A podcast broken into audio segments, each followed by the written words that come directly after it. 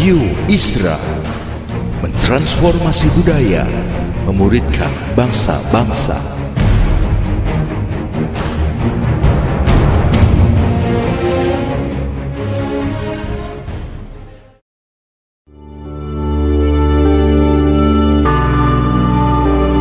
Apostolic Prophetic Messages mengungkapkan pesan dan arahan dari hati Tuhan bagi gerejanya demi menuntaskan mandat kerajaan Allah di Indonesia dan bangsa-bangsa. Selamat mendengarkan.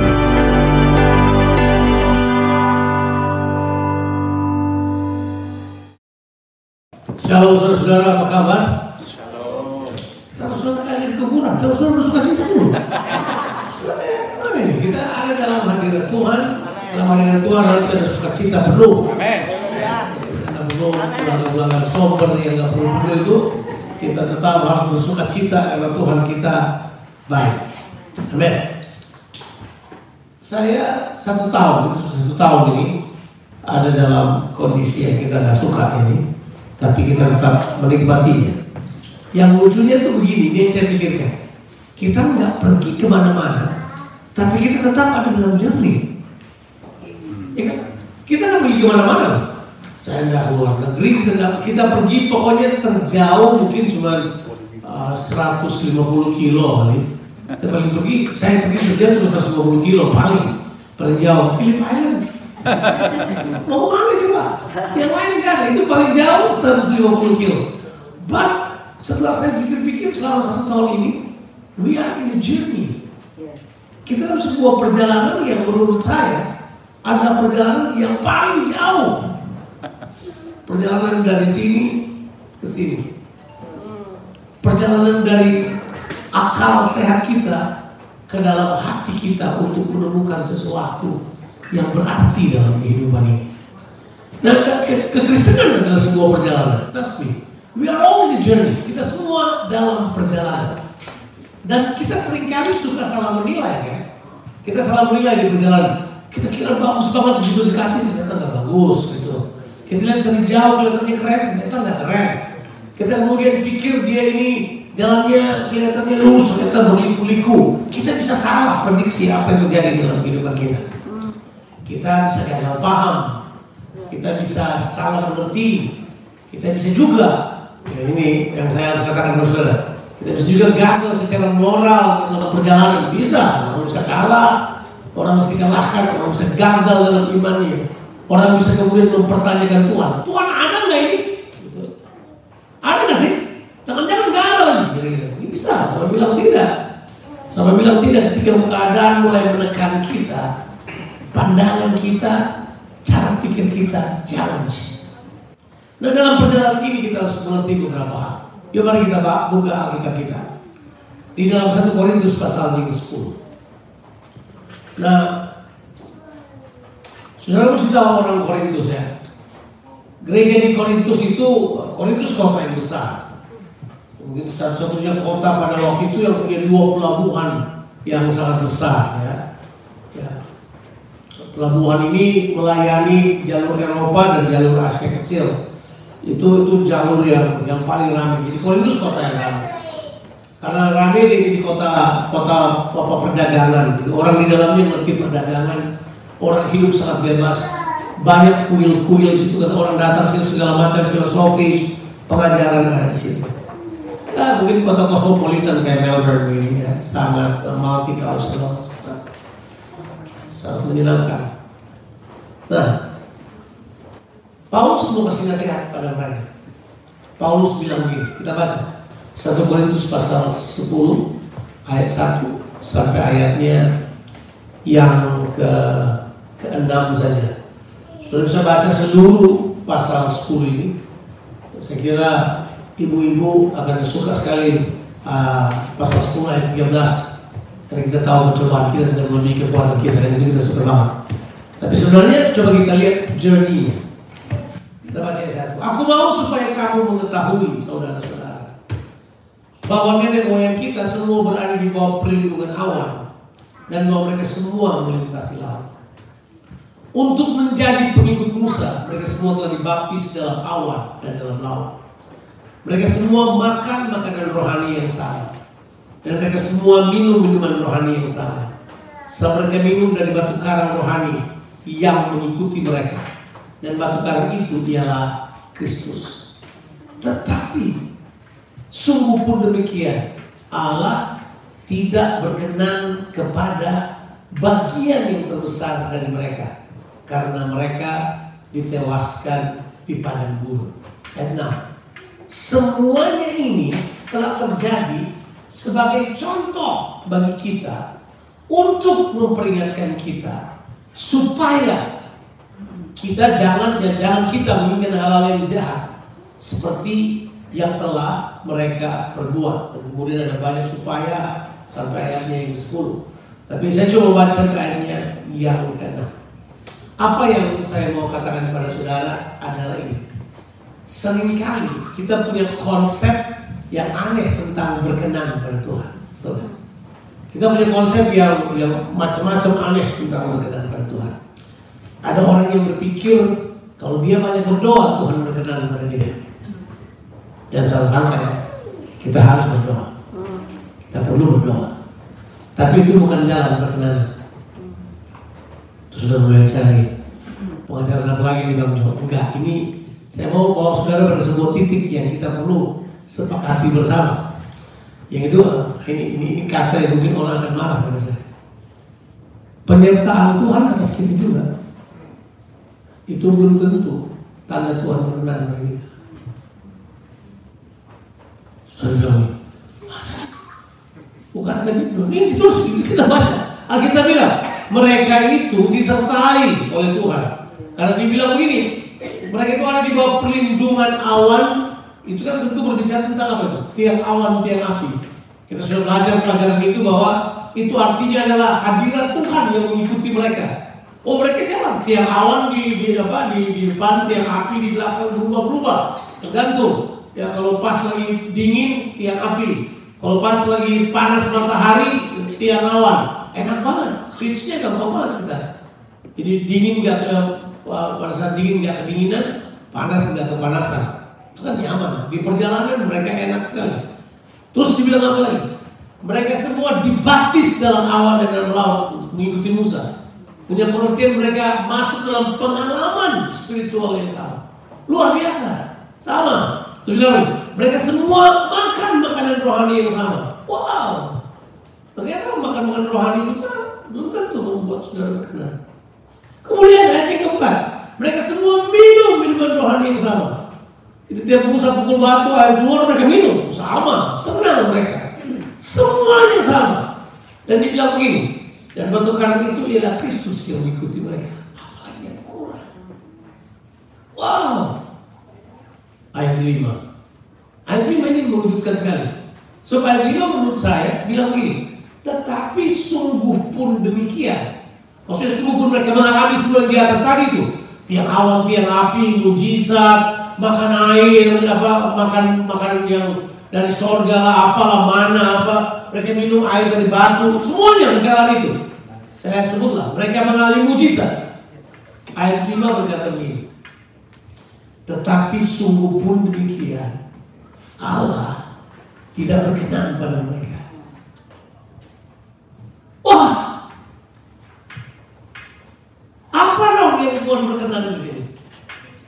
Apa dong? Kok tiba-tiba Tuhan tidak berkenan aja sama mereka? Nah, oke. Nah, mari kita lihat dulu perjalanan bangsa Israel. Perjalanan bangsa Israel itu perjalanan apa sih sebenarnya? What is the journey of Israel? Apa apa journey apa sebenarnya? Ada yang bilang oh mereka journey mau masuk tanah Kanaan, tanah perjanjian. Oh enggak, nanti belakangan berada tanah tanah terjanji itu. Ya, nanti belakangan bermuncul lagi itu. Pertama, waktu Musa berdiri di depan Firaun, Musa nggak bilang gini, keluarlah dari Mesir, masuklah ke tanah perjanjian. Nggak ada kata itu. Musa bilang apa? Izinkan umatku pergi kata Tuhan supaya mereka menyembah Tuhan di mana mundur. Itu kan yang dipakai. So pergi untuk menyembah, pergi untuk bersekutu dengan Tuhan. Kalau saya punya bahasa ini, sebenarnya this journey is journey of knowing the person of God. Jadi journey ini adalah journey mengenal pribadi Tuhan. Sampai kan nggak tahu Tuhan itu siapa? Baik. 450 tahun mereka ada di bawah penjajahan orang Mesir. Mesir mereka budak semuanya. Mental budak, cara pikir budak, cara bicara budak, semuanya budak. Bayangkan. Mentalitasnya mentalitas budak. Terus Tuhan datang. Bayangkan, Musa aja tahu kok. Musa waktu ketemu sama Tuhan di keluaran pasal yang kedua dan tiga itu. Musa tanya kepada Tuhan, bos, kalau mereka nanya yang panggil ini mereka keluar ini siapa? Namanya siapa? Wah, Tuhan bilang, oke, namanya memang agak membingungkan ya. Lah, namanya I am dan I am. Rasain di mana orang asli itu. Namaku adalah aku adalah aku. Terus bilang, ini, bawa keluar mereka situ. Supaya ketemu dengan aku. Jadi sebenarnya, this journey is the journey of knowing God. Nah itu itu kata yang paling penting. Jadi journey mengenal Allah ini Ya. itu penting banget buat kita. Bukankah kita tahu di perjanjian baru bahwa mengenal Allah itu adalah hidup yang kekal? Kita tahu bahwa sebenarnya yang Yesus artikan sebagai hidup yang kekal itu adalah waktu kita mengenal pribadi Tuhan. Nah sekarang pertanyaannya, apakah kita mengenal Allah? Nah ini dia, beritahu pada saudara. Mujizat, semuanya itu fasilitas. Kita suka fasilitasnya, kita nggak suka pribadinya. Iya kan? Satu kali saya sama teman saya, ya, teman-teman dekat pergi ke seluruh satu rumah orang di daerah Cinere sana. Satu rumah tanahnya itu mungkin ada sekitar dua hektar kan. Rumah gede banget. Orangnya suka ke gereja, tapi karena mungkin dikecewakan sama pernyataan itu ya dia dia suka bicara-bicara negatif tentang kekristenan biasa orang dari itu. Kita pergi ke rumahnya, rumahnya bagus banget. Cuma kita dua pulang dari situ sama teman saya tadi, ya rumahnya bagus. Cuma kita nggak suka orangnya, dia lagi maki pendeta. Karena banyak yang terjadi gitu, kita suka fasilitasnya, kita suka rumahnya, kita su- suka semua fasilitasnya, kita nggak suka orangnya. Sama dengan kita, sama dengan bangsa Israel. Mereka suka mujizatnya, mereka haleluya, mereka nyanyi, mereka menari, mereka semua, mereka makan, mereka minum, mereka berpesta pora, mereka buat semua ritual mereka, tapi mereka gagal mengenal Tuhan. Nah itu dia. Nah, baru kemudian sudah bisa baca dari ayat 6 sampai ayatnya yang ke 10 ada lima dosa yang menyebabkan mereka gagal. Tapi lima dosa itu nggak penting sebenarnya. Kalau mereka mengenal kalau mereka mengenal pribadi Tuhan, mereka akan meninggalkan kejahatan mereka. Masalahnya mereka tidak mengenal Tuhan. Ini sering kali kita begini, kita punya konsep Tuhan dengan dosa tuh gini. Kayaknya gini, dosa lebih menarik aja dari Tuhan. Gitu. Pasti dong, pasti dong. Kalau wih dosa menyenangkan, dunia menyenangkan, kita akan senang sekali. Memang tabiat kita ke arah situ. Tapi tahu saudara, kalau saudara ketemu Tuhan, Tuhan lebih indah dari dosa, kan? Tuhan lebih menarik dari dosa. Tuhan lebih dahsyat. Kalau saudara datang ketemu Tuhan benar-benar, sudah betul-betul encounter dengan Tuhan, sudah tidak akan lagi pikir itu semuanya. Paulus bahkan berkata, semua prestasi yang memberikan dia ego besar, dianggap sampah karena dia ketemu dengan pribadi Tuhan itu.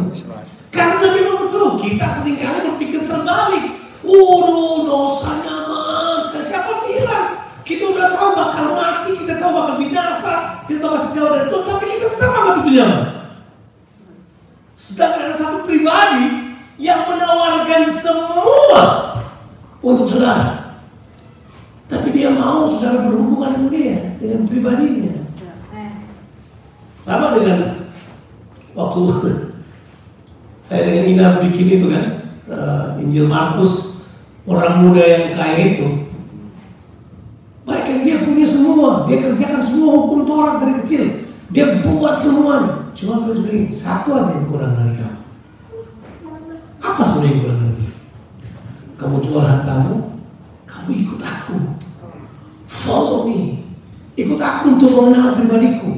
Ikut aku untuk lebih tahu siapa pribadiku. Oh, dia gagal. Alkitab bilang, dia tertunduk, dia pergi dengan sangat sedih. Karena apa? Hartanya banyak. Nah, sekarang pertanyaannya buat kita.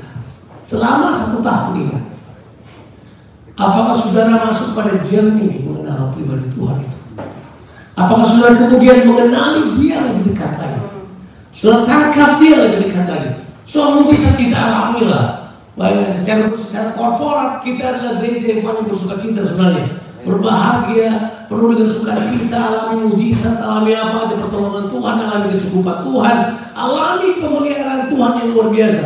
We are all in His care, powerful. Tapi question berkenannya bukan belum tentu ada di situ. Belum tentu. Orang sudah mengalami perkenanan Tuhan aja luar biasa, mengalami mujizat dia bisa menolak Yesus kok. Ya kan? Orang suka bilang begini, di mana lima ribu orang Yesus kasih makan pada waktu itu? Di mana mereka waktu di sana? Seorang arkeolog menjawab, jauh pak. Mereka di di Galilea, Yesus bisa di Yerusalem, jadi jauh. Gak ada mereka. Maksudnya tahu apa coba yang disampaikan kepada kita? ya, sering kali kita berusaha untuk menggambarkan bahwa gini, keadaan kita ini jadi seperti ini karena kita buat ini, karena kita buat itu, karena kita beriman, karena kita ini. Jawabannya enggak. Jawabannya ini, Tuhan itu kasihnya sempurna. Ayat 1 sampai ayat yang keempat itu tanda kasihnya. Bangsa Israel nggak kenal dia, dia sertai. Bangsa Israel nggak kenal dia, dia lepaskan. Bangsa Israel nggak mengasihi dia, dia tolong. Bangsa Israel nggak hormat pada dia, dia tampil mujizat. Itu apa namanya itu? Kasih tanpa syarat. Itu jelas, ditulis di Alkitab belum jelas. Tapi dia sudah akan kasih tanpa syarat kepada semua manusia. Ah, kita aja yang tidak menangkap isi hatinya. Sebab kerinduan Tuhan adalah bersekutu dengan saudara.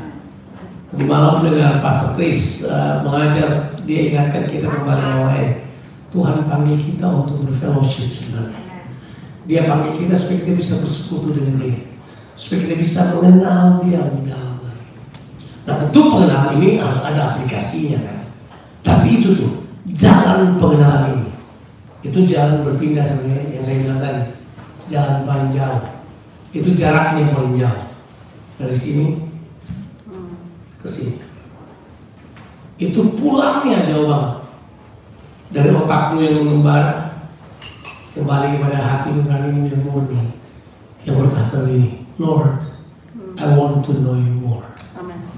Tuhan, aku mau mengenal Engkau lebih lagi. Tuhan, aku mau berjalan lagi dengan Engkau. Nah, Makanya, ini dia. Di awal-awal perjalanan kita, kita terima semua mujizat, kita anggap itu semua jawaban Tuhan. Tapi ketika pada titik di mana pengenalan Allah akan jadi lebih penting daripada mujizat, di situ kita sudah gagal. Saya ulangi lagi.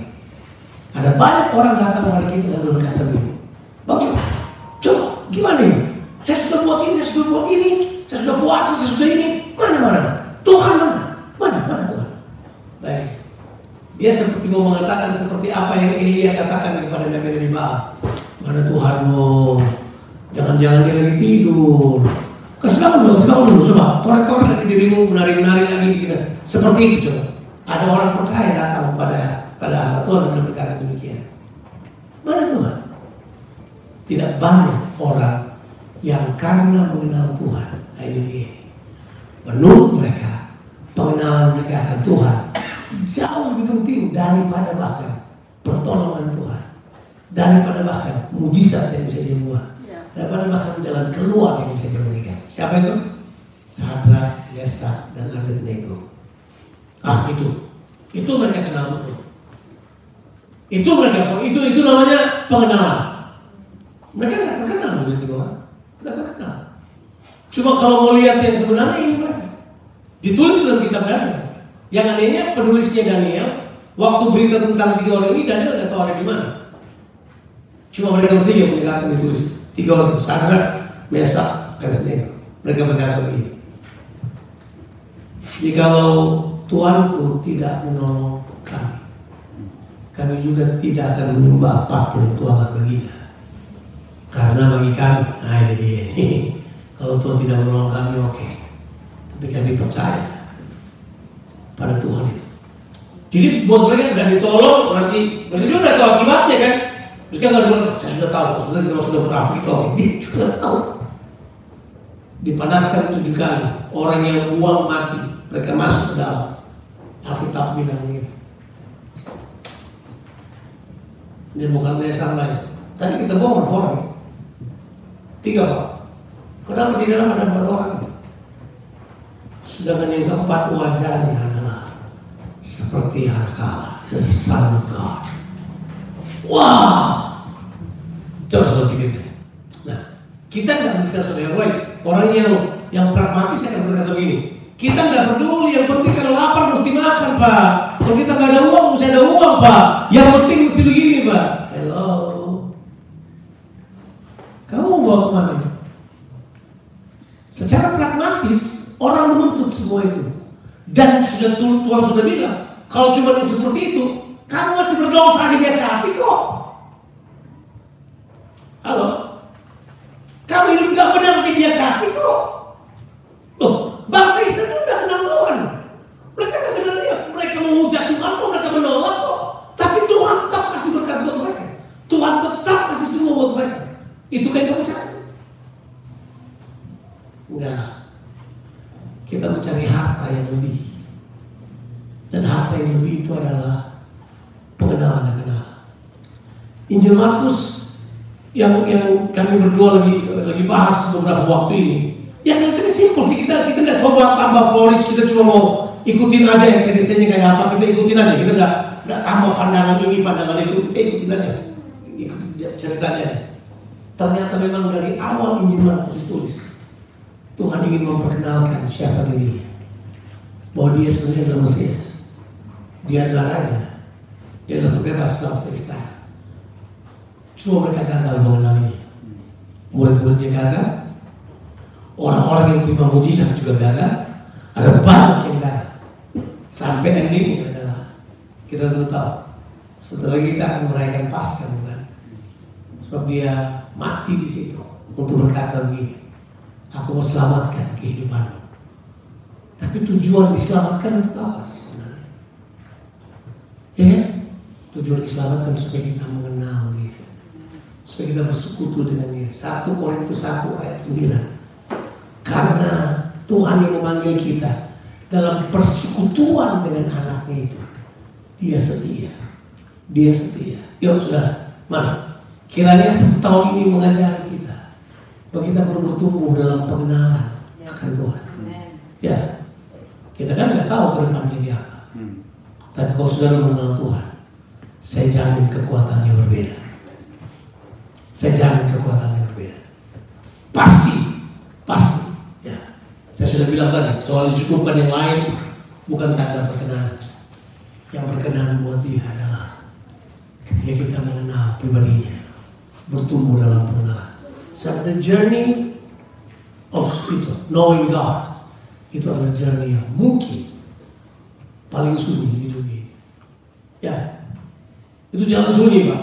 Nggak ada orang yang suka itu orang suka perjalanan yang tepuk tangan tepuk sorak haleluya mujizat sana sini tapi to know him makanya Paulus bilang begini kan Aku mau mengenal dia dalam kuasa kebangkitan yang Paulus. Tapi aku juga mau mengenal dia pada kematiannya, di mana dia seperti tidak ada apa-apanya. Kita mau kenal dia di situ. Kita kemudian hidup seperti yang dia kehendaki. Sekarang, bagaimana pengenalan Allah itu termanifestasi dalam kehidupan kita? Itu yang ditulis dalam kitab 2 Petrus pasal 1. Kalau sudah baca di dalamnya, ayat 3, ayat 4 kata kunci itu mengenal Allah sebenarnya. Dia beritahu buat kita. Nah ini nih justru kalau kita sudah mengenal Allah dia kemudian bilang tambahkanlah pada imanmu kebajikan. Ah kalau kita mengenal Allah iman kalau kita mengenal Allah tambahkan pada iman kebajikan tambahkan kepada kebajikan pengetahuan Tambahkan pada pengetahuan. Apa lagi? Bantu saya membaca. Ya. Dua dua Petrus pasal yang pertama Ayatnya yang kelima Salehkan kasih, kesalehan tambahkan kepada kesalehan apa? kasih, Kasih tambahkan kepada kasih adalah kasih kepada saudara-saudara kemudian adalah kasih kepada semua orang. Nah, itu semua adalah manifestasi dari mengenal Allah. Ulang lagi hal-hal tersebut ayat yang kelima bilang apa? Kamu harus sungguh berusaha menambahkan kepada imanmu kebajikan. Bajikan, kepada kebajikan pengetahuan. Kepada pengetahuan apa? Penguasaan diri. Kepada penguasaan diri apa? Ketekunan. Kepada ketekunan kesalehan. Pada kesalehan kasih akan saudara-saudara. Dan kemudian kepada kasih akan saudara-saudara kasih akan semua orang. Nah coba lihat itu nah itu manifestasinya tuh. Kalau kita bisa buat itu aja udah dahsyat itu. Tapi kan orang mau tanya "Eh, kebajikan itu apa pak? Ya berbuat baik aja. Itu kan gak simpel berbuat baik berniat baik kerjakan aja. Ada yang mau tanya penguasaan diri itu apa pak? Itu aja kalau kamu udah kepengen sama mereka nggak usah. Itu penguasaan diri namanya. Ya mau marah tadi nggak bisa. Itu itu aja. Simpel nggak perlu panik-panik. Perlu penjabaran oh kita nggak suka sekali mendefinisikan. Sudah tahu definisinya? Kita sudah tahu tapi kita gagal melakukannya. Apa masalahnya? Kesalahan itu apa? Itu ibadah. Semuanya ini adalah manifestasi daripada pengenalan. Semua ini harus kita tunjukkan. Kita sudah lewati semuanya. Nah, masalah yang paling besar ini dia. Kita selalu gagal mengenal Tuhan.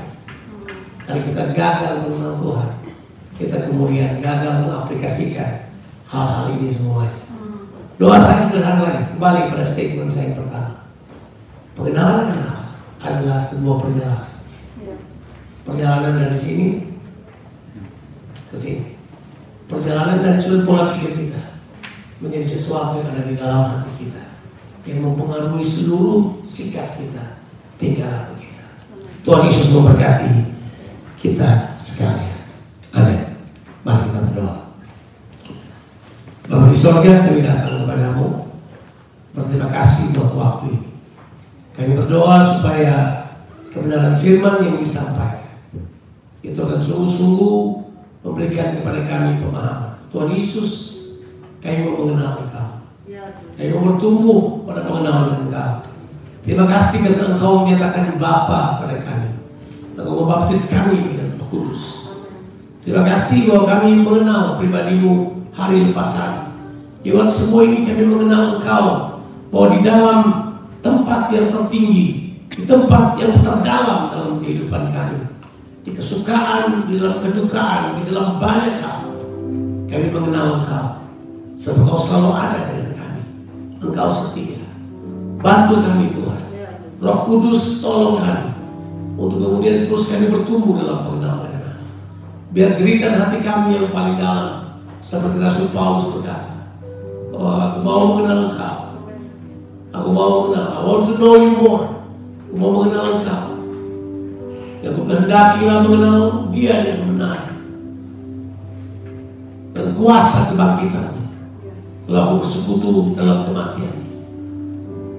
Supaya kemudian aku hidup seperti yang dia mau aku hidup. Tuhan aku berdoa. Supaya materaikan firman-Mu dalam kehidupan kami semua. Berkati kami sekalian Tuhan. Biar hari ini adalah hari kami bertumbuh di dalam kau. Di dalam nama Tuhan, Yesus Kristus kami berdoa. Haleluya. Amin.